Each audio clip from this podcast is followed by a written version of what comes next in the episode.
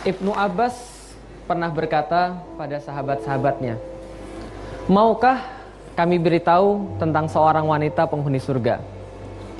Tentu saja sahabat-sahabatnya kemudian menjawab, "Iya, ceritakanlah kami tentang seorang wanita penghuni surga."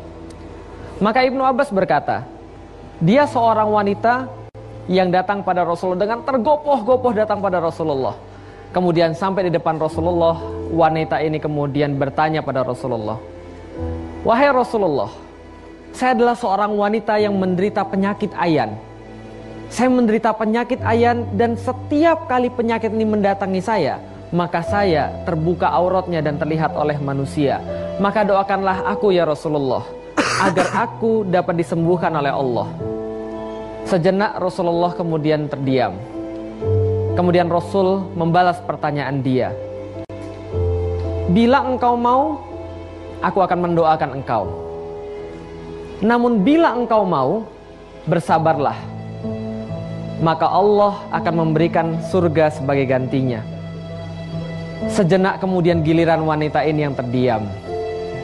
Sebagai seorang manusia kita bisa melihat, kita bisa merasakan apa yang dia rasa.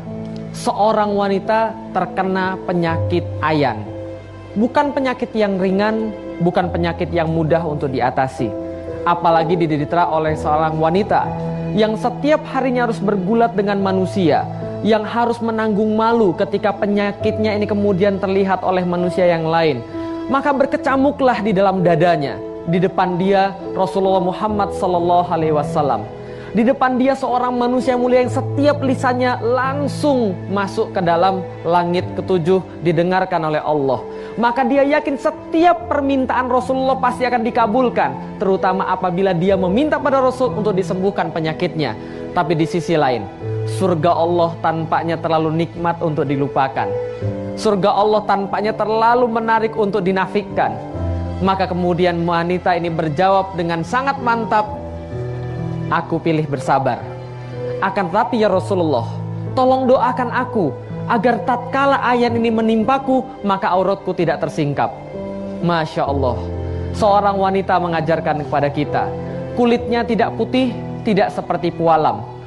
Kulitnya hitam yang menurut orang-orang zaman sekarang adalah suatu aib yang harus dirubah yang harus ditinggalkan, yang harus diganti. Tapi dia mengajarkan pada kita sebuah hukum di dalam agama kita bahwa kewajiban seseorang yang sakit bukan berobat tapi bersabar. Wanita kulit hitam menderita penyakit ayan, tapi dia memilih bersabar dan mendapatkan surga Allah. Inilah keimanan di dalam Islam. Kesabaran atas penyakit yang diderita kesabaran atas sesuatu kodok yang diberikan Allah kepada dia. Dia tidak sekalipun mengeluh atas kodoknya. Dia tidak sekalipun mengeluh atas ketentuan yang Allah berikan kepada dia. Namun dia bersabar, memilih bersabar. Penyakit adalah sebuah ajaran bagi kita. Penyakit adalah sebuah teguran bagi kita. Apakah kita menggunakannya mendekat pada Allah atau kita menggunakannya untuk mengkufuri Allah? Maka nama-nama Allah yang mulia mengajarkan pada kita Dia maha baik, maha pengasih dan maha penyayang. Dia maha hebat, dia maha menguasai, dia maha tahu segala-galanya. Allah dengan asmaul husna mengajarkan pada kita keimanan lebih penting daripada segala-galanya. Terima kasih. Assalamualaikum warahmatullahi wabarakatuh